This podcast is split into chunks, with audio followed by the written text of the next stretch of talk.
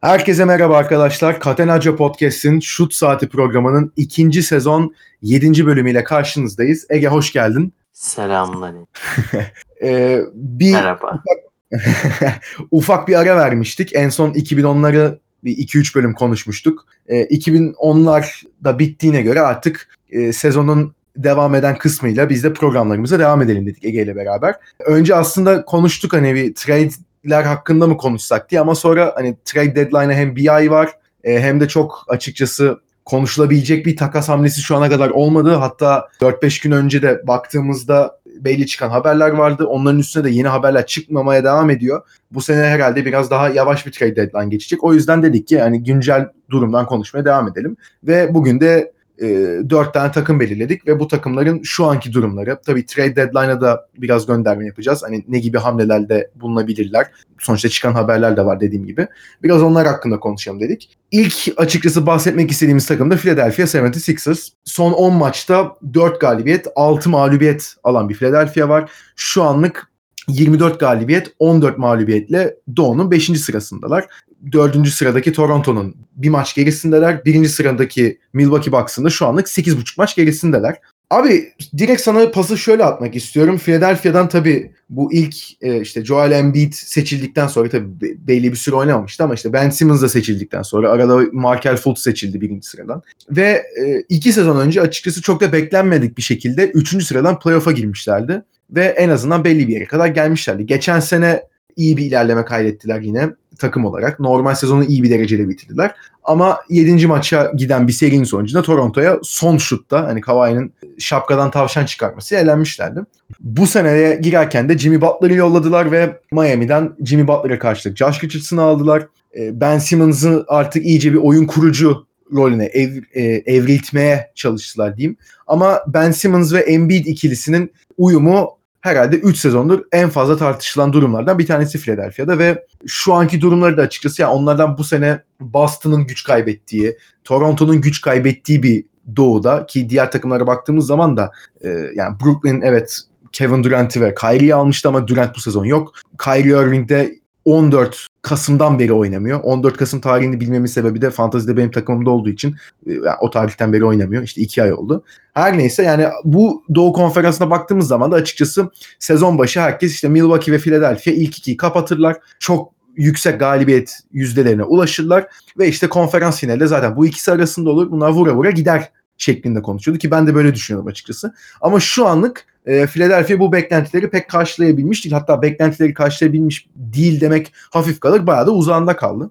E, abi sence bu takımın şu anki durumunda yani öncelikli odak noktası Embiid Simmons'ın yeteri kadar uyumlu olmaması mı yoksa diğer parçalardan mesela Tobias Harris'ten beklenen katkı gelmiyor mu işte Josh Richardson'dan ne bekleniyordu ne alabildiler o yeterli mi ve hani bunların ışığında sence trade deadline'a da e, ilerlerken ne gibi hamle yapabilirler ne düşünüyorsun? Ya dediğin gibi sezona girilirken Philadelphia'nın çok top heavy yani ilk 5 adamları çok iyi hakikaten. Hepsi kaliteli NBA oyuncuları. Ama sonrasında hem biraz zayıf bir bench hem de o ilk 5'in ne kadar size'ı çok iyi olsa da parçaların birbirleriyle uyumu şüpheliydi. Şimdi Embiid'in sakatlığını da tabii konuşacağız bu yayın içinde ama Embiid sakatlanmadan önce hani bu takımda bir spacing sorunu olacağı belli gibiydi. Çünkü ne kadar Horford, Richardson ve Tobias ortalama veya ortalama üstü şutörler olsalar da takımın en önemli iki yıldızının Embiid ve Simmons'ın üçlük konusunda ortalama altı veya Simmons'ın durumunda hiç kullanmaması onların bazı spacing problemleri yaşamasına neden. Ve özellikle Simmons'ın en etkili olduğu bölge pot altı. E, Embiid'in de en başarılı olduğu yer pot altı. Hatta takımlar onun üçlük atmasını mutlulukla karşılıyorlar ve daha çok üçlük atmasını istiyorlar. Hani bu sene de yine çok aşırı yüzdeli atmıyor. Şimdi takımın max kontrat almış iki oyuncusunun böyle bir uyum sıkıntısı yaşarken diğer parçalara da bu kimya sıkıntısının yansımaması mümkün değil zaten. Şimdi yazın Horford'a verilen kontrat biraz tartışmalıydı yaşından ötürü. Hani Al Horford hiçbir zaman çok istatistikleri yüksek olan bir oyuncu olmadı ama takıma savunma, liderlik, pas ve biraz da skor katkısı verdiği için ve çoğu sisteme uyabileceği için Philadelphia için de ideal bir parça olarak görülüyordu. Ancak son haftalarda özellikle sistemde yani hücumda nasıl kullanıldığını çok sevmediğini söyledi. Kullanılış şeklini çok sevmediğini söyledi. Şimdi Horford özellikle son 2-3 haftadır 10 sayının altında bir ortalamaya sahip sayıda ve ne kadar sayı atmayı önemseyen bir oyuncu değilse de e, bu sistemde diğer sistemlerdeki o pas trafiği ve ne olursa olsun hani Horford'u birazcık oyuna entegre etme çabası yok. Bu olay olunca hani Horford gibi genelde kimyayı yükselten bir insanın da böyle düşünmesi biraz alarm çanlarının çalmasına sebep oldu. Ve hem Horford'un memnuniyetsizliği hem Philadelphia'nın bench'inin beklendiği gibi çok fazla katkı verememesi. Yani şunu söyleyebiliriz bence. Bu sene Philadelphia'nın yedeklerindeki en önemli oyuncu Furkan Korkmaz. En azından takımdaki en iyi üçlükçü yedeklerde herhalde Furkan'dır ve Mike Scott belki. Onun dışında sakatlanmadan önce Matisse Steibel özellikle savunmada çok çok iyi katkı veriyordu ve çok yüksek yüzdeyle de üçlük atıyor bu sene ilginç bir şekilde. Çok az kullanıyor tabii o ayrı konu ama özellikle Philadelphia'nın şu kadrosuna ya bir üçlük yani şu tehdidi yaratabilecek bir oyuncu ya da 3D dediğimiz hem savunma yapabilen hem de biraz üçlük atabilen bu işte Trevor Ariza, Luke Mbamute, Robert Covington tarzı oyunculardan birine ihtiyacı olduğunu düşünüyor herkes. Şimdi kısaca Embiid'in sakatlığına da değinecek olursam e, geçen seneki kadar katastrofik bir duruma sokacağını düşünmüyorum Philadelphia'yı. Çünkü sakatlığı da hani 3 hafta ile 6 hafta arası olabilecek bir sakatlık. Ama bir istatistiğe göre daha bugün okudum. E, Philadelphia bu sene Embiid'in oynamadığı dakikalarda artı 13. Geçen sene de Embiid'in oynamadığı zamanlarda eksi 152 idi. Yani Horford ne kadar belki Embiid varken ön plana çıkmasa da asıl bu sebepten dolayı getir. Embiid'e bir şey olursa çok büyük bir düşüş yaşamasın takım. Hem de Embiid yokken ve Horford varken muhtemelen takımın spacing'i de daha iyi olacaktı. Ve bu Embiid'in sakatlığı belki de Simmons, Harris, Richardson, Horford hepsinin biraz daha ön plana çıkıp rahat oynamalarına sebeptir. Ama tabii Can sen de bahsettin Philadelphia'nın hayal kırıklığı olmasından ve özellikle Doğu'nun ilk altısının bir şekilde sıyrıldığı bir ortamda Philadelphia'nın ikinciliğe çıkmasını realistik bir olay olarak görüyor musun yoksa çok mu zor? Özellikle bu sakatlıklardan sonra. Abi Embiid sakatlığında yani o Horford'un gelmesi bence yani çok da büyük bir sıkıntıya sebep olmamasına sağlayacak bence senin de dediğin gibi Philadelphia özelinde. Çünkü hani Horford'u e, Boston'ın özellikle nasıl kullandığını gördük zaten geçen senelerde. Hani bir, bir pota altı savunmacısı olarak hani savunmayı savunmanın derecesi ne kadar yukarı çektiğini de biliyoruz. O yüzden hani Horford bence orada daha rahatlayacak Embiid yokken. Ha ama tabii şimdi onun yerine hani Mike Scott oynayacak herhalde büyük ihtimalle. Şimdi şeyde Matisse Thybulle da yokken. E, belki spacing sorunu yani Embiid yokken daha rahat olur mu bilmiyorum. Çünkü Simmons'ın da hani üçlük falan atıyor da iki tane üçlük attı galiba bu sezon. Hani öyle şut sorununu çözmüş bir durumda gözükmüyor Simmons. Ama hani ikinciliğe yükselebilirler mi? Yani şimdi üç buçuk maç gerisindeler şu an. İkinci sırada Miami Heat var.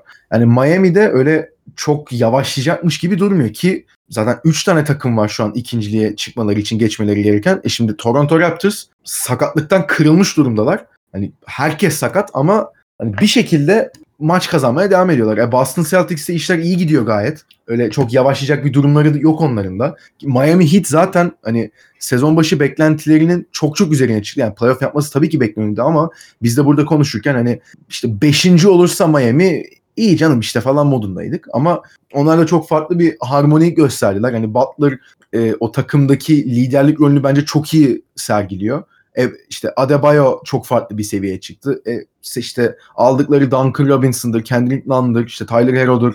O oyuncuların çok farklı seviyelere çıktığını gördük. Yani onlar da belli bir artık oyun düzenine oturduğu için Philadelphia'nın bir iki takvi yani iki değil de yani bir tane en azından o senin de dediğin gibi o işte 3 olayını yapabilecek oyuncu almadan yani rahat bir şekilde ikinciliğe çıkacağını açıkçası ben çok öngöremiyorum şu an. Ama hani tabii bu bir şekilde hani tekrar o oyun düzenine geçen sene gördüğümüz veya ondan önceki e, sene gördüğümüz düzene otururlar.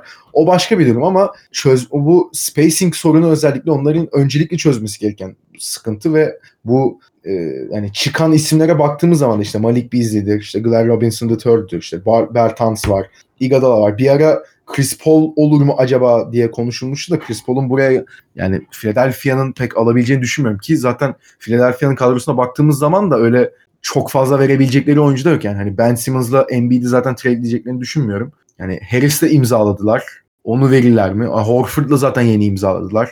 Yani işte Josh Richardson'ı verirler mi? Zaten onları verdikten sonra hani benchlerinde ne kadar katkı verebilecek oyuncu var zaten. Hani ona bakıyoruz. Ya, o yüzden hani ben bu sene o kadar rahat bir şekilde hani ikinciliğe yükselebileceklerini düşünmüyorum ama yani ilk beşin altına zaten düşmezler hani baktığımız zaman. Yani Indiana'da Oladipo dönecek. O döndükten sonra hani ne kadar şey olur. Ee, Indiana yukarıya atabilir kendisi bilmiyorum ama yani herhalde 3-4 bitirirler gibime geliyor. Yani Toronto'nun çünkü bu kadar sakatla nereye kadar devam edebilirler onu da bilmiyorum ama yani oyun düzenine baktığım zaman da sen zaten çok bahsettin. Bu şut sıkıntısı Philadelphia'nın başını hakikaten çok yoruyor. Ve hakikaten bench'ten de yeteri kadar katkı alamıyorlar. Yani hani bench'e bakıyorsun en son oynadıkları ve kazandıkları Oklahoma maçında yine bench'ten belirli bir katkı almışlar ama hani her maç bile mesela Trey Burke 12 atmış. Tamam güzel. İşte Furkan'dan 6 sayı gelmiş. İşte Mike Scott'tan 8 sayı gelmiş de yani Trey Burke her maç bench'ten gelip 12 atmıyor. İşte Furkan bir maç 6 atıyor. Bir maç geliyor 20 atıyor. Ondan sonraki maç ama 3 atıyor. Hani belli bir e, nasıl diyeyim hani consistency sıkıntısı da var bench oyuncularında.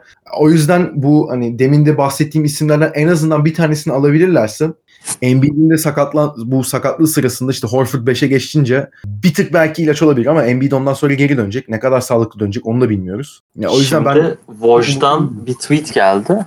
Ee, bir iki hafta yani ameliyat olacakmış. evet ama onu ben de gördüm ya. Bir ile iki hafta içinde reevaluated olacak. Ama ameliyat sanki daha kötü senaryo olarak görülüyordu. Bakalım Evet. ne olacak da.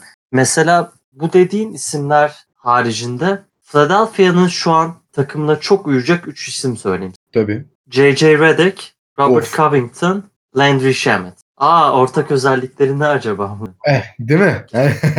Geçen sene hepsini takas ettiler Hepsini. ve yani özellikle Shamet konusunda bayağı eleştiri aldılar sonra. Vermeleri Evet. gerekiyor muydu? Yani Ee, ya takas edebilecekleri isimler bu arada. Abi Tybull var. O işte onu da çok vermek istemiyorlar. Evet, Zaire Zaire Smith var. Yani olabilir diyorlar da şimdi Zaire Smith de şu an G League'de oynuyor sadece. ki ve G-League'de bile- Evet yani çok istikrarlı bir performans sergileyemedi ve Horford ve Tobias'ın kontratları çok kötü. Simmons'ı da şu an zaten takas etmezler. Seneye de edemiyorlar. Kontrat ekseninin ilk senesi olduğu için. Evet. O yüzden yani Mike Scott artı bir iki parçayla 9-10 milyona çıkarlarsa o civardan biri olabilir. Ama hani o civarda da Philadelphia'yı kesinlikle bir üst seviyeye taşır diyebileceğim biri yok zaten. Ancak işte iki sene önce olması lazım. Ersan ve Belinelli'yi buyout'tan alıp onlar bayağı iş yapmışlardı. Evet. O, tarz ilk- bir şey bulabilirlerse belki. Belki yani. Ki ama Ya Ersan da mesela iyi olurdu bu takıma Çok. Tabii ki çok çok çok iyi olurdu. Ya spacing'e çok abi yani Antetokounmpo ile yan yana oynarken Antetokounmpo'yu ne kadar rahatlattığını görüyoruz zaten. Hani Embiid'le beraber oynadığı vakitte hani şimdi Ben Simmons şut ya aslında Tobias Harris de mesela iyi çok iyi şutör bence de. Ama işte hani 3 numara oynuyor. Hani Al Horford var bir de. Yani çok fizikli takımlar ama işte o fiziğin karşılığında da hani götürdüğü çok şey var. Ya ben mesela savunma açısından çok üst seviyede olacaklar diyordum ki savunma açısından iyiler. Ama işte hani savunmada iyi de yani atamadığın zaman bir işe yaramıyor ki o. Evet ve şu da çok önemli. Hani iki, ikinci sıraya ulaşabilirler mi dedik de en azından 3'e ulaşmaları lazım. Diğer türlü ikinci turda Milwaukee ile karşılaşırlar. Öyle bir şey de isteyeceklerini sanmıyorum. En azından hani bir konferans finalinde görmeyi tercih ederler. Muhtemelen. E tabii yani bir de hani Milwaukee Ki mi- Hani- evet yani yani darmadağın ediyor. çok iyi hem de 8. sıradan işte Nets veya alttan işte Bulls, Orlando falan. Yani o kalibrede bir takımla oynayacak. 4-0 Ama- direkt atıyor zaten. Rahat rahat. Kesin gibi ve Philadelphia muhtemelen yani şu görüntüde mesela Pacers da zorlayabilir Ola- Oladipo gelince. Veya Abi, diyelim Toronto altıncılığa düştü. Siakam ve diğerleri hep döndüğü zaman onlar da zorlayacak. Abi de yani şu anki standinglere göre bakınca yani bu şekilde bitse abi 5. bitirip hani Toronto ile eşleşiyor ve hani sağ avantajı yok. Hani Toronto'da Siakam ne kadar şey oldu tamam hani Toronto kadrosu geçen seneye göre yani Kawhi yüzünden zayıflamış durumda da gayet iyi oyun planlarını hala devam ettiriyorlar. E, Siakam'ın nasıl bir seviyeye geldiğini biliyoruz. Bir de yani Toronto kendisi aslında ne kadar iştahlı oynuyor. Geçen senenin şampiyonu sonuçta. Yani hala tam hava gitti biz hala buradayız diye zaten bir e, kendilerini kanıtlama çabalarıyla var. İlk turdan Toronto veya ne bileyim Pacers veya hatta belki bir sıra düşüp yani Boston'la eşleşme durumları bile olabilir. Yani o yüzden acilen bir galibiyet serisi yakalamaları lazım. Mesela hani bu sene bir numaralı savunmanın Philadelphia'da olacağını düşünüyorduk da defensive rating'de 6.lar. Evet. Ve önlerinde doğuda 4 takım var. Evet. Bucks 1, Toronto 2, Celtics 4, Orlando 5. Hadi Orlando'yu geç ama hani Celtics ve Toronto'nun da onların önünde olması biraz şaşırtıcı özellikle hani Celtics için işte pivotu yok. Nasıl savunma yapacaklar? Horford gitti. işte Marcus Morris gitti falan filan dendi ama belli Evet. ki yani Horford gitse de oradaki özellikle hem Marcus Smart'ın varlığı hem de bence Tatum Brown, Evet. Hayward Evet. işte e, ve uzun komboları da bir şekilde takım savunmasını iyi yapıyorlar. Aynen öyle. Ve hani Sixers'ın mesela hücumunun kaçıncı olduğunu biliyor musun şeyde? Yok bilmiyorum.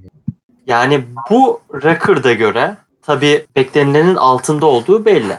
Ve hani Bucks düşün savunmada bir, hücumda 3. Philadelphia 76ers ligin tam averajı yani 15. sırada. Oh.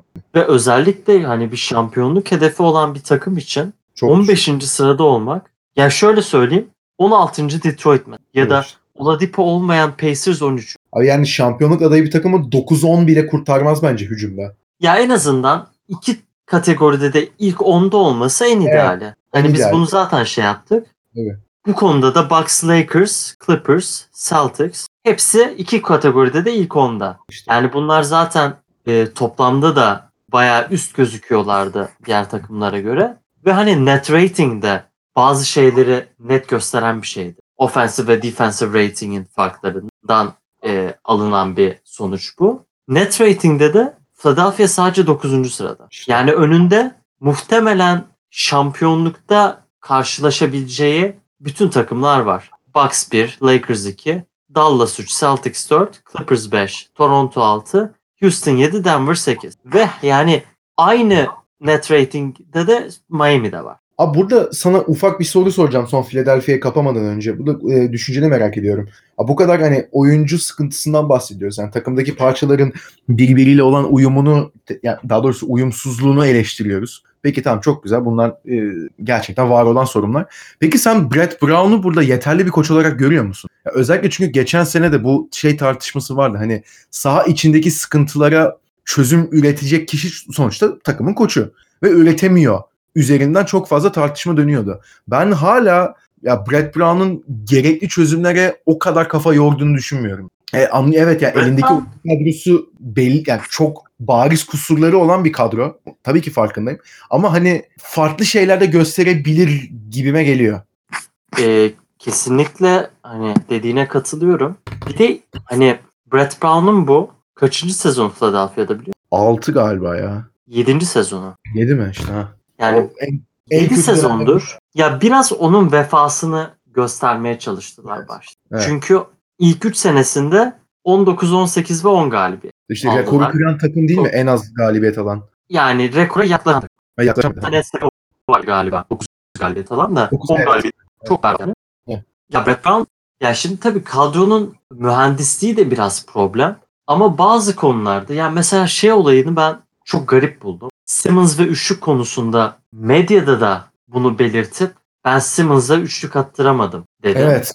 Evet. Onu ben de gördüm. Hani mesela bu konuda e, oyuncuya baskı altına alıp ve birazcık da suçlarmış gibi yapıp bu oyuncunun karakterinde olmayan bir şeyi istemek özellikle ısrar et. Biraz bence garip. Yani Simmons'ın o kadar iyi özelliği varken böyle böyle demeçler onun yapamadığı nadir şeylerden birinin üstüne çok konuşulmasını sağlıyor. Ve bu yani hem Simmons için kötü hem de yani sadece Simmons için de geçerli. oyuncular da birçok sefer hani taktiksel konularda işte mesela Horford'un hücumda bana yeterince yer verilmiyor demek. Joel Embiid'in bu kadar kaybetmek beni üstünde çok baskı yaratmaya başladı söylemleri oldu. Yani bütün bunlar aslında hani Brett Brown'un ne kadar tam elindeki kadro mükemmel uyumu olan bir kadro değil ama bazı farklılıkları da uygulamaya ya cesareti yok ya da onu yapacak kabiliyeti, kabiliyeti yok ki hani açıkçası şu ana kadar Brett Brown'un ortalama üstü bir koç olduğunu gösteren de çok fazla bir şey. Yani elinde zaten sen 5 sene boyunca draftta ilk 3'te 4'te seç. Hakikaten. Ya orada tabii ki bir iki tane iyi çıkacak. Yani mutlaka yani Markel Fultz, Simmons, Embiid, Nerlens Noel, Jalil Okafor. Unuttuğum var mı bilmiyorum başka ama yani bunlar mesela işte bunlardan ikisinin iyi çıkacağı belliydi. Yani sadece oranlara bakarak bu belliydi zaten ve hani Simmons'ın oyununda çok büyük bir gelişme oldu mu? Olmadı. Embiid'de de yani bir sezon bir sıçrama olmuştu geçen sene. Ama bu sene de aynı veya birazcık daha kötü oynadığını gördük. Ve Philadelphia'da oyuncu geliştirme konusunda da özellikle hani aklıma şu şu çok iyi gelişti orada. Çok iyi oyuncu oldu. İşte başka bir takımda çok iyi iş yaptı diyebileceğim. Hani Covington fena değildi ama onu da gördük yani. Ya yani bu Evet. yüzden hani Brett Brown'un da kesinlikle suçu var ve finale çıkamazlarsa ben kovulacağını düşünüyorum. Bana öyle geliyor artık. Yani bu sezondan sonra daha da fazla sabır göstereceklerini pek ben de düşünmüyorum. O zaman abi istersen buradan batıdaki bir takıma geçelim. Ya bir doğu bir batı, bir doğu bir batı gidelim diye düşündüm. Ama burada sezon başında konuşurken yani yaptıkları hamleden sonra özellikle hani artık tanking'e gidecekler. Zaten sezon arası yani daha doğrusu sezon arası değil işte bu trade deadline yaklaştıkça aldıkları oyuncuları da büyük bir çoğunluğunu çok büyük ihtimalle trade edecekler. Zaten tonla draft pick'i almışlardı bu yaptıkları trade'ler sonucunda. Ee, ve dediğim gibi ellerindeki oyuncuları da yine işte genç oyuncular, bir iki kötü kontrat ve özellikle yine yeni draft picklerine karşılık takas edecekler diye konuştuğumuz bir takım vardı. Oklahoma City Thunder. Ama ya sezonda yavaş girmişlerdi. 6-11'leydi. Yanlış hatırlamıyorsam 18 maç sonunda girmişlerdi. Ne olduysa bu 18 maç 17 maç sonrasında baktığımız zaman Oklahoma City şu an 21 galibiyet 16 mağlubiyetle Batı Konferansı'nın 7. sırasına yerleşmiş durumdalar ve hani o kadar e, övdüğümüz Dallas Mavericks'in şu an sadece 2 maç gerisinde. Ve hani 8. sıradaki San Antonio'nun da 4,5 maç önündeler şu. Yani bunu bekliyor muydun diye sormayacağım çünkü hani bunu herhalde dünya üzerinde bekleyen hani yani Billy Donovan, Donovan bile beklemiyordu herhalde böyle bir şeyi. Kadroya baktığımız zaman sonuçta Paul George'u takasladılar bir kere ki geçen senenin başına da onunla imzalamışlardı 4 senelik. Onu gönderdikten sonra Westbrook'un da kendi takasını istediği haberleri çıkmıştı. Üstüne işte Westbrook'u Houston'a yollayıp Chris Paul'u aldılar. Ve işte ta o zaman Chris Paul geldiğinde zaten hani Chris Paul Miami'ye gider artık diye Miami onu alır şeklinde dedikodular çok dönüyordu. Hani Miami'ye takas haberleri çok çıkıyordu. E işte takımda bir tek hani draft ettikleri o hani yukarılarda işte Golden State'e yenilen o iyi kadrodan bir tek Steven Adams kaldı. E Steven Adams da artık zaten burada tek başına ne yapacak? Onun da yani yüklü bir kontratı var. Onu da ihtiyacı olan bir takıma gönderirler. Onun karşılığında da yine bir iki genç oyuncu ve işte belli draft pickleri alırlar diye konuşuluyordu. Ama bir anda Batı'nın 7. sırasına bulunca kendilerini ki son 10 maçta 8 galibiyetleri var ve hatta bu son e, 13-14 maça bakılınca şimdi tam sayısını hatırlamıyorum. Batı birincisiler. Yani öyle bir e, galibiyet yüzdesine ulaşmış seviyedeler. Yani en herhalde burada dikkat çeken nokta takımdaki parçaların e, Donovan'ın da özellikle yani koçun yaptığı e, bir iki hamle sonrasında takımdaki parçaların da o rollere ne kadar oturduğunu aslında görüyoruz. Şimdi takıma baktığımız zaman Chris Paul ve işte Shai Gilgeous Alexander e, iki guard olarak başlıyorlar.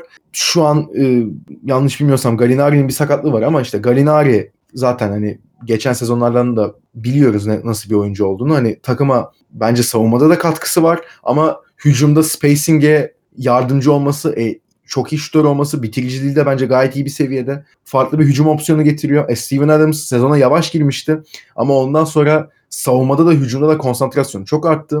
Ve tabii bench'ten getirdikleri bir Dennis Schroeder var.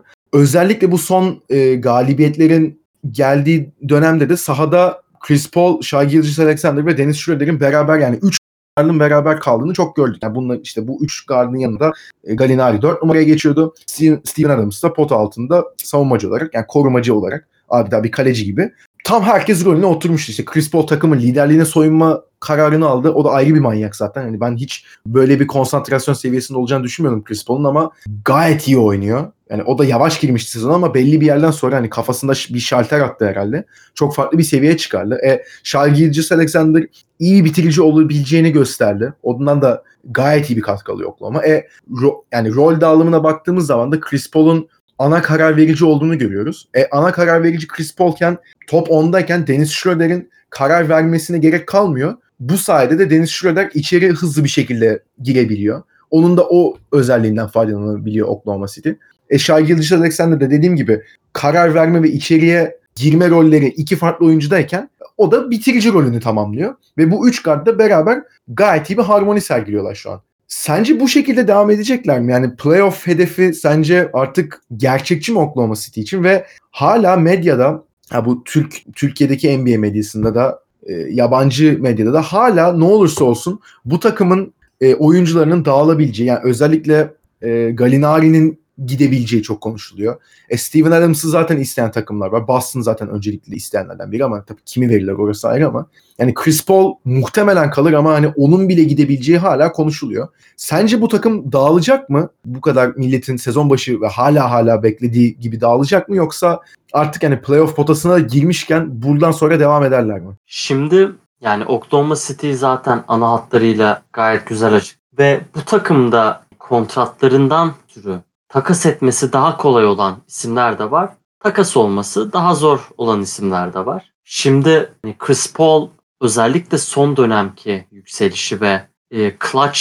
point olarak son 3 dakikada ve 5 dakikada işte %50'nin %55'in üstünde atmasıyla bu sene o eski Chris Paul gibi yani güvenilir son dakikaların aranan adamı, lideri olarak göze çarpmaya başladı ve bu onun sıfır gibi görünen takas değerini yükseltmiş olsa da kontratı sebebiyle yine takas edilmesi zor bir oyuncu. En azından ben bu sene için Chris Paul'un kalmasını bekliyorum. Çok çılgın bir teklif gelmezse. Ki pek sanmıyorum hani hangi takım ihtiyacı onu kestiremiyorum. Dediğin gibi hani Galinari burada en muhtemel takas olabilecek parça. Yani iyi bir first round pick alabilirlerse belki onu takas etmeyi düşünebilirler. Ama hani Oklahoma City'nin de özellikle George Westbrook takaslarından aldığı bir sürü first round pick var. Hani o yüzden onların da özellikle daha da çok gelecek için pick alma dertleri yok. Yani tabii teklifine göre değişir ama bence bu kor bu şekilde devam edecek bu sezon. Sen 3 gardlı formasyonlarından bahsettin. Bu senenin en iyi üçlü kombosu işte Schroeder, Paul ve SJ'ymiş. Ve o üçlü ve Galinari skor yükünde bayağı iyi bölüştüler. Takımda 20 sayının üstünde atan da yok. Ama 16 ile 20 arası atan 4 oyuncu var işte bu dediğimiz 4. Ayrıca hani beklenmedik bir olaydı tabii bu kadar iyi olmaları ama insanlar bazı şeyleri de göz ardı etmiş. Biz de dahil. Birincisi Billy Donovan Westbrook'un olduğu bir takımda koçluk yapamayacağını biliyordu muhtemelen ve yapamadı. Koçluk yapması daha kolay oyuncular geldiği zaman eline gayet iyi işler yapabildiğini gördük. İkinci durum Oklahoma City'de bu sistem ve sinerjinin etkisiyle birçok oyuncu kariyerlerinin ya en iyi sezonlarını ya da geri dönüş sezonları. Yani en iyi sezon olarak Schroeder ve SGA. Bence Billy Donovan burada zeki bir hamle yaptı ve SGA'yı 2 numara başlatmayı seçti. Bu durumda da hem onun üstündeki bazı yükleri azaltmış oldu. Chris Paul gibi sonuçta 13-14 senelik çok tecrübeli, tarihin en iyi oyun kurucularından biri var. Ama aynı zamanda SGA'ye de çok büyük görevler verdi.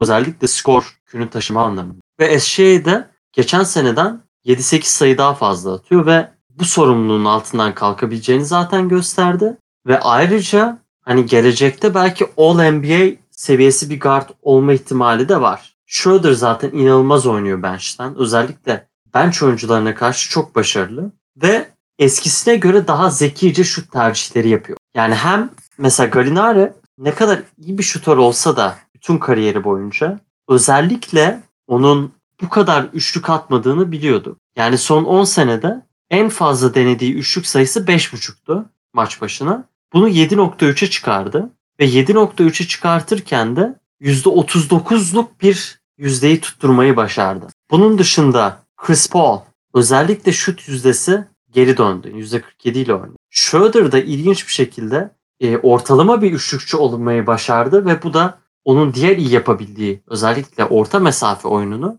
bayağı iyi açtı. Adams'dan da bahsettim. Kötü başlamıştı ama o da rolüne alıştı. Yani Adams'tan hiçbir zaman insanlar çok büyük istatistikler beklemiyor. İşte ne yapacağını bilen bir oyuncu. Onun dışında da zaten rotasyon genelde genç oyunculardan oluşuyor.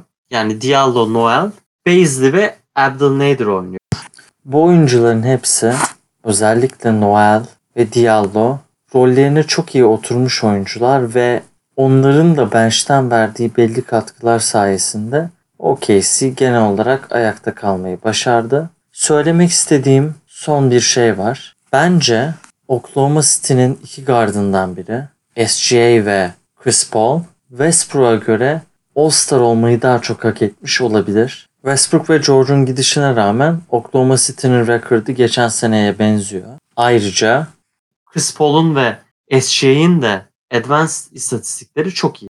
Yani zaten gelecekte bir All-Star seçimleri içinde bir bölüm çekeceğiz. O zaman zaten hani Batı'da bir son bir iki seçi, All-Star seçilecek oyuncu için bayağı bir seçenek olacak. İşte Westbrook, Chris Paul'da, SGA'de en azından tartışmanın içinde olacaktır. Hani Westbrook'un istatistikleri güzel eyvallah ama Houston'ın başarısı hala bence %95 Harden'ın eseridir. Westbrook'un da biraz düşüşte olduğunu görüyoruz. Bunu da söylemiş olayım. Can sen Oklahoma City'nin playofflarda yani eğer 7 veya 8 girerse zorlama ihtimali olduğunu düşünüyor musun? Yoksa hani o doğudaki gibi batıda da ilk altı birazcık daha farklı. OKC ve 8. girecek takım pek zorlayamaz. Yani şimdi hani baktığımız zaman da Batı Konferansı'nda şimdi Oklahoma şu anlık 7. sıra. Zaten hani e, Oklahoma'nın 7. sıranın üstünde girmesi de açıkçası yani tam Dallas'la şu an iki maç fark var da e, Dallas bu ara hani zaten Porzingis de sakat. E, iyice Doncic'in üstüne kaldı. Zaten sınırlı bir kadroları var. E, onlar yine bence bir yollarını bulup yine bir galibiyet serisi yakalarlar. Yani Oklahoma'da dediğim gibi bu ara çok iyi gidiyor ama hani bütün sezona bunu yayabilir mi? Çok da emin değilim. Şimdi baktığımız zaman yani şu tabii farazi konuşacağız daha kaç ay var da yani 7. bitirirlerse ikinci sıradan e, çok büyük ihtimalle yani Houston, Clippers, Denver ve Utah var şu an. Orada bir maç araya sıkışmış. E, galibiyet yüzdelerine bakınca da. Şu anlık Denver ikinci ama ben hani e, Houston'ın veya Clippers'ın ikinci sırayı alacağını düşünüyorum. Yani onlar daha e, gerçekçi adaylar bence ikinci sıra için Batı'da. Ya bir kere zaten 8. olurlarsa birden çok çok büyük ihtimalle Los Angeles Lakers gelecek. Bence yani bir maç alabilirler belki. Ama hani Houston ve Clippers'la eşleşirlerse de yani playoff'ta çok devam edebileceklerini düşünmüyorum. Yani dediğim gibi 4-0 bitmese bile yani zorluk çıkartırlar. Yani doğudaki e, işte Orlando veya işte Brooklyn Nets artık kimler gelecekse yani onların düşeceği duruma bence düşmezler. Zorluk çıkartırlar ama yani bir maç kazanmanın da ötesine çok geçebileceklerini düşünmüyorum. Ama hani sezon öncesi e, projection'lara baktığımız zaman da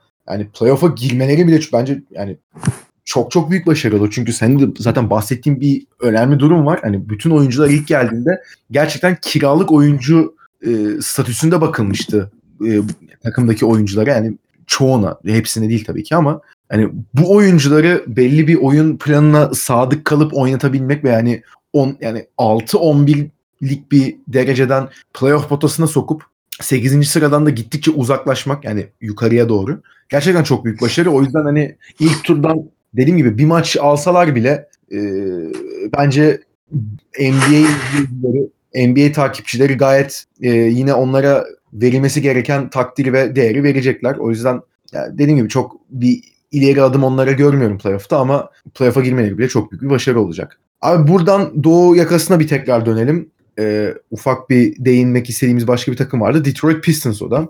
Ya Pistons için ben sürekli kendimi tekrarlıyorum. Hakikaten papağan gibi oldum yani Pistons hakkında konuşurken. Hep işte vasatla e, yetiniyorlar. İşte tamam 8'den playoff'a girelim. Tamam canım işte ilk turda elensek diye geçen sene Milwaukee ile tam 4-0 yani Doğu birincisi tamam yenebilir de yani eze eze yendiler. Hiçbir varlık gösteremediler ki Black Griffin de sakatlanmıştı gerçi ilk maçın başlarında ama yani yine de hiçbir şey gösteremediler. Yani bu sene de açıkçası çok da farklı bir durum yok. Black Griffin zaten sezona sakat girmişti yanlış hatırlamıyorsam da sonrasında oynadığı kısımda hani ruh gibiydi sahada. Hiç yani öyle geçen sene övülen Black Griffin durumunda değildi.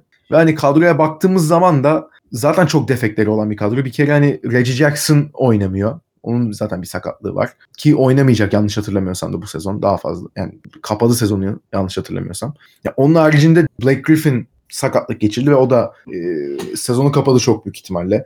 Markif Morris bir ara oynadı. O sakatlandı. İşte bir ara Luke Kennard'dan bir şekilde faydalandılar. İyi sayı attı. İşte hücumda bir opsiyon olabileceğini gösterdi. O da sakatlandı. Yani kadroya bakıyorum şu an hani tamam Drummond var. İşte Sekou Dumboya geldi. Hadi o en azından koşturuyor saha içinde. NBA'de izlemeye, izlemekten hakikaten en nefret ettiğim ilk 5 oyuncudan biri olan Tony Snell var. Gerçekten çok zorlanıyorum izlerken. Şey var. E, Mihailuk yanlış olmasın ama yani birkaç sene önce de Lakers'taydı yanlış hatırlamıyorsam. Yani o var. Yani Bruce Brown var. İşte bir bench'ten Derrick Rose geliyor. O da hani 6. adam ödülüne aday gösteriliyor ama hani onun da açıkçası tek başına zaten başarabileceği şeyler kısıtlı. Bir de hani Derrick Rose'un sakatlık geçmişine baktığımız zaman da hani 82 maçın 82'sini zaten oynayamıyor. Yani oynadığı kısımda da hani her an bir hafta kaçırabilir, bir ay kaçırabilir. Yani o da belli olmayan bir durumda. Yine yani takımdaki herhalde ama en istikrarlı performansı veren kişi de şu an yani tab- tabii ki Drummond var ama Derrick Rose da var. Ve hani burada şu anlık hani Detroit hakkında konuşulan şu an e, Doğu'nun 10. sırasındalar. 14 galibiyet, 24 mağlubiyetleri var. Playoff potasının şu anlık yani 3 maç gerisindeler de o Doğu yakasının kötülüğünden dolayı yani Milwaukee'nin 18,5 maç gerisindeler. Yani %36.8'lik bir galibiyet yüzdeleri de var. Ger- gerçekten çok kötü. Ve hani hakikaten NBA'in herhalde en sıkıcı basketbollarından birini oynuyorlar. Ve tabii bunun da ışığında şimdi o kadar konuşuluyorken e, Drummond'un bir takası gündeme geldi. İlgilenen 4-5 tane takımın oldu. Hani Toronto Raptors vardı yanlış hatırlamıyorum. İşte Boston Celtics var. Bir iki takım daha vardı şimdi tam hatırlamıyorum ama. Ya o takımların Drummond için belli bir hamle yapabileceği konuşuluyordu. Ya sence bu saatten sonra artık Detroit Pistons'ın bir hani reboot'a ihtiyacı var mı? Yani te- tekrar tanking'e girip en azından bir 4-5 senelik plan yapıp o şekilde ilerlemeleri mi gerekiyor? Yoksa hani yine bu son 3-4 senede yaptıkları gibi ya biz 8. olalım da playoff'a girelim en azından. Yani yeni arenaya da geçtik. İşte bir en azından 2-3 sene daha playoff görelim ondan sonrasına bakarız deyip hani işte Blake Griffin'den olabildiğince yararlanmaları, işte Drummond'u tutabilmeleri bir şekilde. Ya sen hangi yani bir herhangi bir çıkış yolu görüyor musun Detroit için? Abi herkese salmaları lazım değeri olan. Yani Blake Griffin takası olması imkansız. imkansız. Ötesi hatta kimse onun bu dizlerle o kontratını kabul etmez. Drummond'dan da kurtulmaları lazım çünkü hani Drummond Blake geçen sene beraber oynadılar bayağı. Sonuç ortadaydı. Hani bu sene herkes sağlıklı olsa ne kadar kazanabilirlerdi ki? Ha orası da ayrı yani Maç. mesela Reggie Jackson oynamıyor şu an. Daha hani Derrick Rose süre alıyor da abi sen takımının ana gardının Reggie Jackson olmasını ister misin mesela? Zaten onun da kontratı. Yani Evet. birçok ölü ağırlık takımdan gidiyor. Reggie Jackson bu Hani arada Drummond koçla falan kavga etmişti değil mi? evet ya problem yaşadı. O bir tek ilk geldiği sezon. Ha, Onun harici sıkıntı yaratan bir adamdı zaten. Yani. Yani bu takımdan hiçbir şey olmayacağı belli. Drummond'ı takas etmeyi deneyeceklerdir. Keriz bir takım bulurlarsa kakalarlar. Drummond da oyuncu opsiyonunu kullanmayıp bu sene free agent olabilir. Ki bence olacak. Orada tabii tek sıkıntı işte hani onu yani genelde kötü takımların salary cap'i açık baya. Hani hangi kötü takım onu ister? İşte Atlanta deniyor da hani Hah. Atlanta için de çok alakalı değil gibi ve Atlanta'nın GM'i de biraz baskıyı hissediyor. Çünkü Ya Young açıklama yaptı ya işte. evet işte hem o hem de son 2-3 seneye bakılınca hani Travis Schlenk Golden State'ten gelme işte biz yeni Curry Clay Golden State sistemini kuracağız falan gibisinden böyle sansasyonel açıklamaları vardı.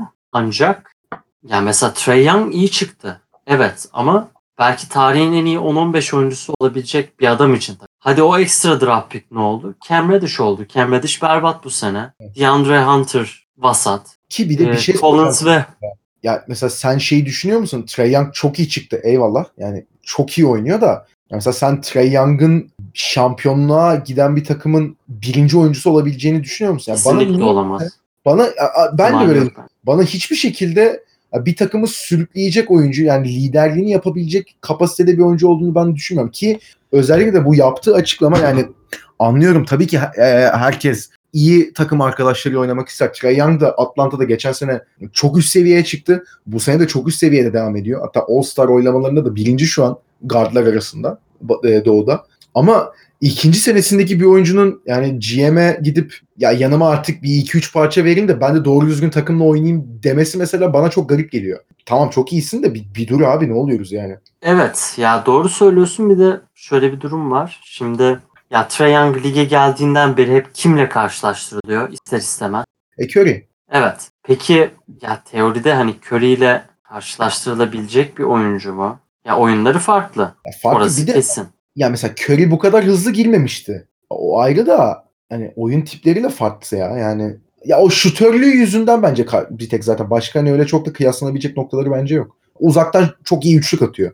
Hani o kıyaslanabilir Yani- herhalde sana. Ve hani Curry'nin fiziği biraz daha iyi ve Curry bu kadar kötü. Yani Evet. Trae Young ne kadar hücumda çok iyi olsa da eğer takım bu kadar kötüyse ve sen ligde belki defensive ratingi en kötü olan adamlardan biriysen senin de bu işte payın büyüktür. E tabii. Ve bu durumda hani insanların da kesinlikle şeye baktığını düşünüyorum. Hani bu sonuçta Trae Young'ı sen Doncic'in takasladın. Sonsuza, de, sonsuza dek bu karşılaştırılmayı. Evet, Ne evet. kadar istemesen de böyle bir şey olacak ve Evet abi. yan parçalar bir şekilde konsolide edilmeli. Yani sen senin ana 5-6 adamın hepsi 25 yaş altıysa bu zaten. Çünkü mesela Oklahoma City ve LA Clippers bu Kawhi ve George almadan önce onlar da aslında bir rebuild'a gitti güya. Yani Westbrook'ta George gitti OKC'den.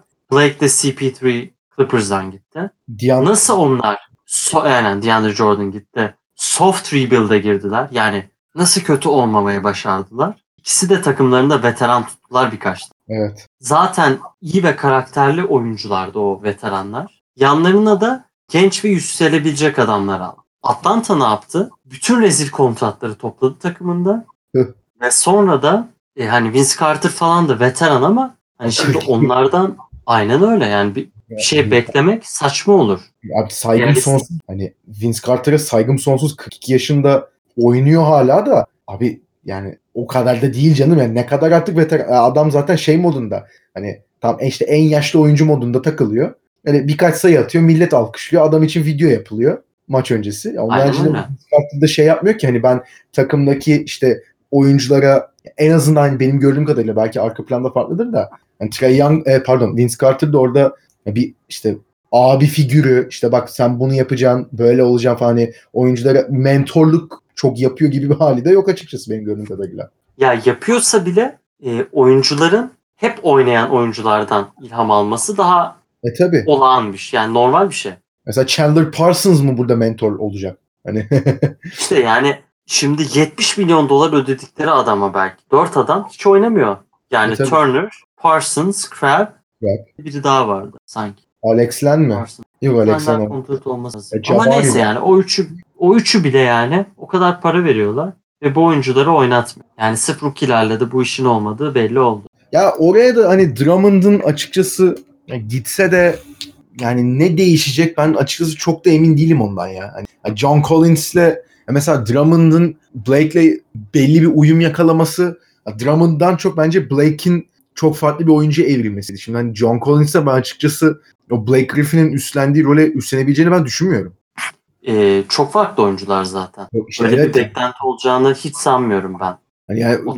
O yüzden diyorum hani Drummond gelirse bir anda Atlanta kendini hani 6. sırada bulmayacak şeyde Doğu'da. Kesinlikle. tabii ki tabii ki yani 38 maç sonunda 8 galibiyetle olmayacaklar ama yani tamam Drummond'ı almaları belli bir yere getirir de öyle anormal bir değişiklik de olmaz yani yan parçaları gördükten Bir sonra. şey söyleyeyim mi? Bence Drummond zaten bayağı yani fantasy basketbol yıldızı gibi. tabii tabii. Normal basketbolda çok overrated çünkü bir kere yani dinleyicilere başka bir podcast olarak ya da YouTube kanalı olarak önerebilirim. Thinking Basketball diye bir kanal var. Podcast'ı da var. Bir tane videosunun konusu da e, reboundların nasıl eskisine göre e, abartılan bir değeri olduğu. Yani 16-17 rebound alan bir oyuncunun belki düşünüldüğü kadar çok değerinin olmadığı ile ilgili bir videoydu podcast'ı. Yani, Yani o kadar Trump- fazla çok şut kullanılıyor ki. Aynen öyle ve bir şey söyleyeyim mi? Drummond'ı yani ben Detroit'e bazen denk geldim bu sene. Drummond da hani eski sıçrama atletik değil de o kadar yok artık. Yani sen Drummond'ı alırsan Atlanta olarak beklentin nedir? Onun da yeniden kontrat imzalamak. E tabi yani. Senin o kadar cap space'in var. Şimdi şu boktan takımı gören kim gelecek? İyi free agent'lar. Yok abi yani. Kimse hani, gelmez. Yan parçalar Yani- hakikaten Detroit'ten beter Atlan- yani yan parçalar. Aynen ve Atlanta'dan Atlanta'nın umudu neydi? 33-35 kazanırız en azından. Genç ve yetenekli bir kadro olduğumuzu düşünürler. Sonra da Gelirler. bir veya bir buçuk yani bir yıldız ve iki mesela iyi role player'la kadroyu güçlendiririz. Sonra Playoff güçlü doğu adayı oluruz. Evet. Da yok. Ama şimdi 20 maç kazanacak belki bir takım için. Hani yıldızların gelme ihtimali çok düşük. Burada olması gereken şey tabii şimdi bu bütün takım beraber ilk kez oynayacak belki hani hem Collins hem Young hem de genç oyuncular. Ayrıca Atlanta hadi Drummond'ı almadı diyelim. Kesinlikle bir pivot bir de yedek oyun kurucu almaları gerekiyor. Kesinlikle. Yani dört tane falan pivotları var. Hepsi ama yedek pivot görevinde. Evet abi yani. Yani mesela bak çok mantıklı alabilecekleri birini söyleyeyim mi? Dwayne Dedman'ı geri getir. Sacramento zaten göndermek istiyor onu. Evet, evet. Geçen sene senin sisteminde iyi katkı vermiş. Collins'da iyi o- uyum sağlıyorlar birbirlerine. Evet. Ve neredeyse hiçbir şey vermene gerek yok. Kontratı zaten çok. Göndermeye çalışıyorlar ya direkt öyle. Sıfırı alalım modundalar. Aynen öyle ve orada tabii biraz risk var. Yani iki sene daha kontratı var ve bu sene çok çok kötü. Ama onun Sacramento ile alakalı olma ihtimali de var. Bence kesinlikle Sacramento ile alakalı. Ben çünkü ilk Sacramento aldığında burada sen de sezon değerlendirmesi yaparken Dwayne Dedman hamlesinin çok iyi olduğunu hani hem e, takımdaki genç oyuncuların yanında öyle bir oyuncunun iyi olabileceğini ayrıyetten hani şut falan da atmaya başladı. Hani hızlı da oynayan bir takımdı Sacramento. Hani onların sistemine uyabileceğini düşünmüştüm de hızlı hücumu bırakıp direkt sete döndüler bu sene ve hani hiç hiç uyum sağlayamadı ya. Ki ama Sacramento'nun halinde gördüğümüz için yani onu direkt Dwayne Dedman sorumluymuş gibi şey yapmak da bence senin dediğin gibi hak, yani haksızlık olur ona. Aynen öyle. Ve hani Atlanta'nın hani bu durumda olması onları belki biraz şey yapabilir. Hani desperate denen. Gerçekten bir yani mesela Pistons'ın iki sene önceki hali gibi olabilir. Bir yere gitmiyoruz zaten. İsmi büyük olan bir adamla şansımızı deneyim de deneyelim demişlerdi Blake alır. Kimse Blake'in de çok büyük. Blake çok büyük bir riskti. O zaman Evet. Stan Van Gundy başkan ve koçken Evet. Hatta başkanlık hani olayı zaten tartışılıyordu. Adam dedi o zaman hani ben en azından şöyle şansım deneyeyim. Diğer türlü zaten koy. Yani Hayır. NBA'de de özellikle e, iş güvenliği çok fazla olmayan GM'ler bu tarz hamleleri yapmaya daha meyilliler. Sen E, tabii şimdi gidip, ne bileyim R.C. Buford'a, Masai Ujiri'ye böyle, böyle hamleler yaptırmazsın. Yaptıramazsın deneyince. Onların Yapmayın. çünkü kısa günü kurtarma gibi bir durumları yok. Tabii. Yani. Yok ya zor yani hani bu Atlanta'nın sıkıntısı ayrı. Detroit zaten konuştuğumuz gibi hani hiçbir yere varamayacaklar benim, benim gözümde. Yani hakikaten çok Ve çok garip ya. İşin kötü yanı bu seneki draft da çok iyi Evet. deniyor. Ve yani düşünüyorum hani Dumbaya falan oynasa iyi olur ama çok böyle süper bir gençleri de yok aslında. Yok abi yok yani. Bakıyorum kadro önünde yani yok ya. Ve şöyle de hani bu şunu desem aşırı bir iddialı bir laf olmaz bence. Derrick Rose bu takımda en çok takas değeri olan adamdır. Kontratı ve verdiği katkıdan dolayı. Drummond Yedi- daha iyi oyuncu. Eyvallah. Evet. Ama şimdi her takım 7.5'a Derrick Rose'u Hı hı. Drummond'un o kontratını almak alabilecek takım zaten çok. Almak isteyecek takım daha da az. Ve Derrick Rose'un ben takas edilmesini bekliyorum. Takas edilmezse de buyout. Yani onun da bir contender yani contender olmasa bile Pistons'a geldiğinde bakış şuydu herhalde. Hani geçen sene bunlar işte 30 küsür 30'ların sonunda maç kazandı. Herkes sağlıklı döner. Ben de eklenirsem bu takıma 45-50 maçı zorlarız. Güzel bir hikaye oluruz. Ben yine büyük bir rol oynarım. Sonra bakarım diyordu herhalde. E şimdi Evet. yine rolü büyük ve bazen hakikaten eski Derrick Rose enstantaneleri sağlıyor. Yani hala katkı verebiliyor hücum, hücumcu olarak. Ve özellikle yani Lakers mesela, Evet. Philadelphia. Yani onlar inanılmaz ister Derrick. Ama şimdi hani Lakers'ın verebileceği parçalar belli. Philadelphia hani Mike Scott, Zaire Smith işte bir de mesela iki tane second round pick falan verse Detroit buna verir mi? Belki daha iyi teklifler çıkabilir çünkü yani hiç belli olmaz. Ben birçok takımda Rose'un iş yapabileceğini düşünüyorum. Katılıyorum. Da inşallah buyout'a çıkar da Lakers alabilir. ben kesinlikle bir hamle yapacaklarını düşünüyorum. Abi o zaman buradan da son takımımıza geçelim. Bu da açıkçası hani doğudaki takımları biraz geldik, batıdaki takımları övüyoruz. Bu da öveceğimiz bir takım Memphis Grizzlies. Onlar da tabii sezona girerken hani NBA sonunculuğu için adaylardan bir tanesiydi herhalde desek çok da abartmış olmayız. Yani kadroya baktığımız zaman. Ama işte drafttan e, iyi bir oyuncu seçtiler. ikinci sıradan. Jamorant'i seçtiler. Ama hani seçerken hani bu kadar iyi çıkacağını tahmin ediyorlar mıydı? Ondan o kadar emin değilim. Ama yani kadroya baktığımız zaman da bu arada e, Memphis'te şu an 16 galibiyet 22 mağlubiyette. Yani çok öyle e, şaşalı bir galibiyet yüzdeleri yok. %42'deler ama 9. sıraya kadar yükselmiş durumdalar. Son 10 maçta 6 galibiyetleri var. E, son 3 maçında kazanmış Memphis. Son maçında da hatta e, Timberwolves'u yendiler. Yani kadroya baktığımız zaman da aslında bu senin demin bahsettiğin bu hani gençlerin yanına o veteranların e, oturtulması konusunda bence çok iyi bir e, uyum yakalamış durumdalar. Yani Jamorant'e ve Jaren Jackson Jr.'a bakıyorsun. Yani takımın geleceği olarak görülen bu iki isim zaten açıkça belli. Ama bunların yanında mesela Jonas Valanciunas ve hani Jay Crowder var. Onlar da rollerini gayet kabullenmiş durumdalar. Ellerinden geleni yapmaya çalışıyorlar. Takımın içindeki atmosfere gayet bence pozitif etkileri de var. Ve hani bunlara da baktığımız zaman tabii bir tek e, yani Iguodala var aslında takımda da yani antrenmana bile çıkmadı yanlış hatırlamıyorsam. Ya, o da olsa belki yani Iguodala Memphis'te oynamak istese ve hani Golden State'deki konsantrasyon seviyesini gösterse belki Memphis şu an 8. sırada bile olabilirdi. Ha, bir maç gerisinde San Antonio'nun çünkü. Ama hani Jamorant'in de çıkışına baktığımız zaman hani gerçekten iyi bir pik olduğunu ve e, ta, Jaren Jackson Jr.'la beraber iyi de bir uyum yakaladığını ve Memphis'in geleceğini bu ikili üstüne inşa edebileceğini aslında görüyoruz. Yani rookie sezonunda 17.8 sayı, 6.6 asistle oynuyor. %40'lık bir 3 sayı ortalaması var. E, gayet de iyi gidiyor şu an. Hani o da gittikçe açılıyor. Sence hani Memphis'in tavanı ya bu sezon için ben açıkçası playoff hedefi çok görmüyorum Memphis. Hani bu kadar e, yani yakınındalar şu an ama ya playoff'a 8. sıradan kendilerini atmaları açıkçası çok realistik gelmiyor bana. Ama yani NBA sonunculuğu beklenen bir takımın batıda e, 9-10 veya 11 bitirmesi bile bence e, yani takımın bitirdiği yerden çok üstüne kuracakları yapıdaki oyuncuların yani en ana iki parçasının e, belli bir eşiği atlaması ve onların da belli bir performansın üstünde göstermesi herhalde daha onlar açısından pozitif olacak. Yani ne düşünüyorsun Memphis hakkında genel olarak? Ya ilk önce Memphis benim bu sene fazlasıyla izlediğim bir takım oldu. Çünkü hem e, Ja Morant hem de Jonas Valanciunas benim fantasy basketbolda. Şimdi ya Memphis'le ilgili şu var. Playoff yapmayı hedeflemeyebilirler. Ama şu halleriyle çok ilginç bir aradalar. Onların 2020 draftındaki durumunun ne olduğunu biliyor musun? Ee, yok abi. Şimdi Memphis'in zamanında yaptığı muhteşem bir takasla. Yıllar önce Jeff Green'i Boston'dan aldıkları zaman bir tane first round pick de vardı. 2020'nin first. Top 6 protected. yani ilk 6'da seçebilirlerse bu sene e, şey olacak. Bu sene de kullanacaklar picklerini.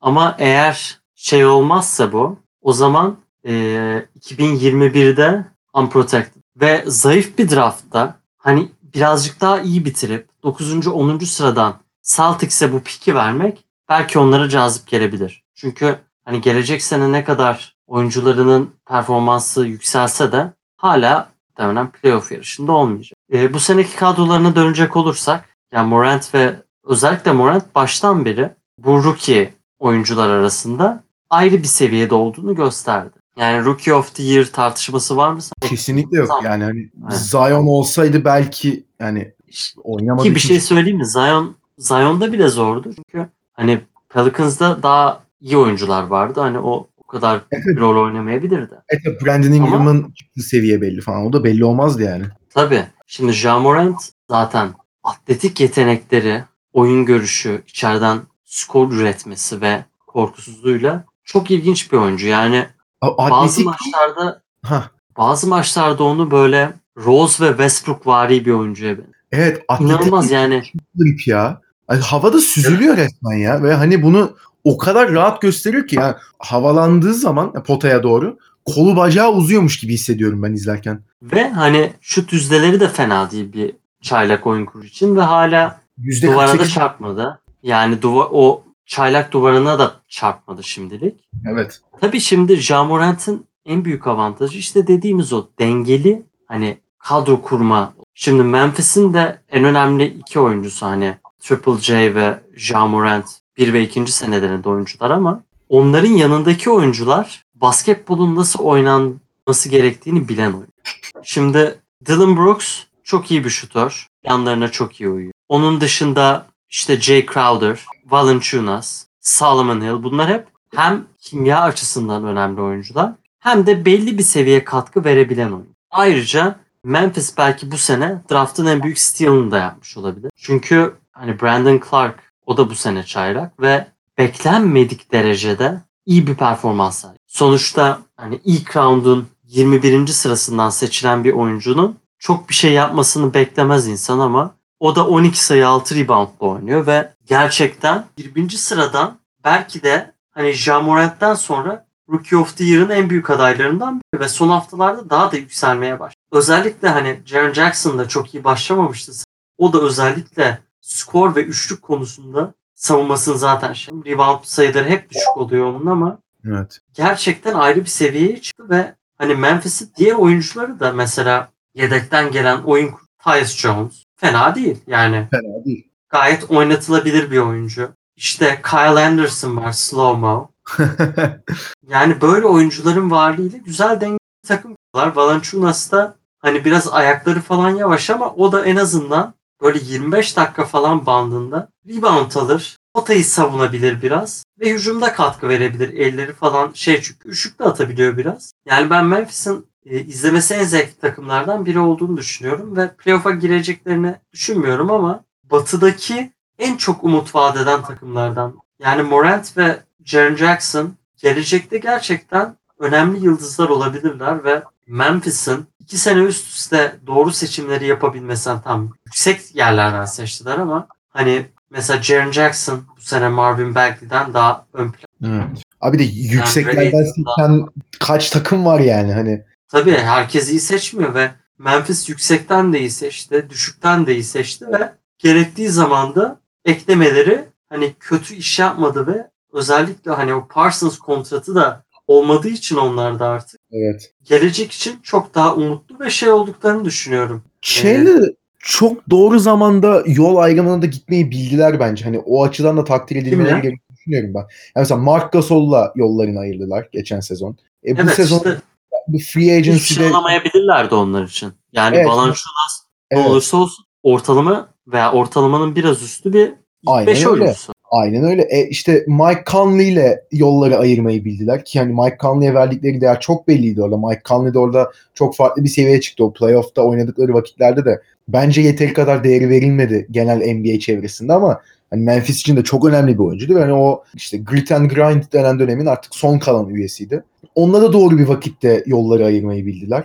Ben işte karşında Jay Crowder'ı aldılar abi. Yani öyle şey de yapmadılar. Evet ve yani şu da var. E, Conley ve Gasol'a karşı gösterdikleri vefa hani onlar artık rebuilding yapan bir takımda olmak is- istemezlerdi.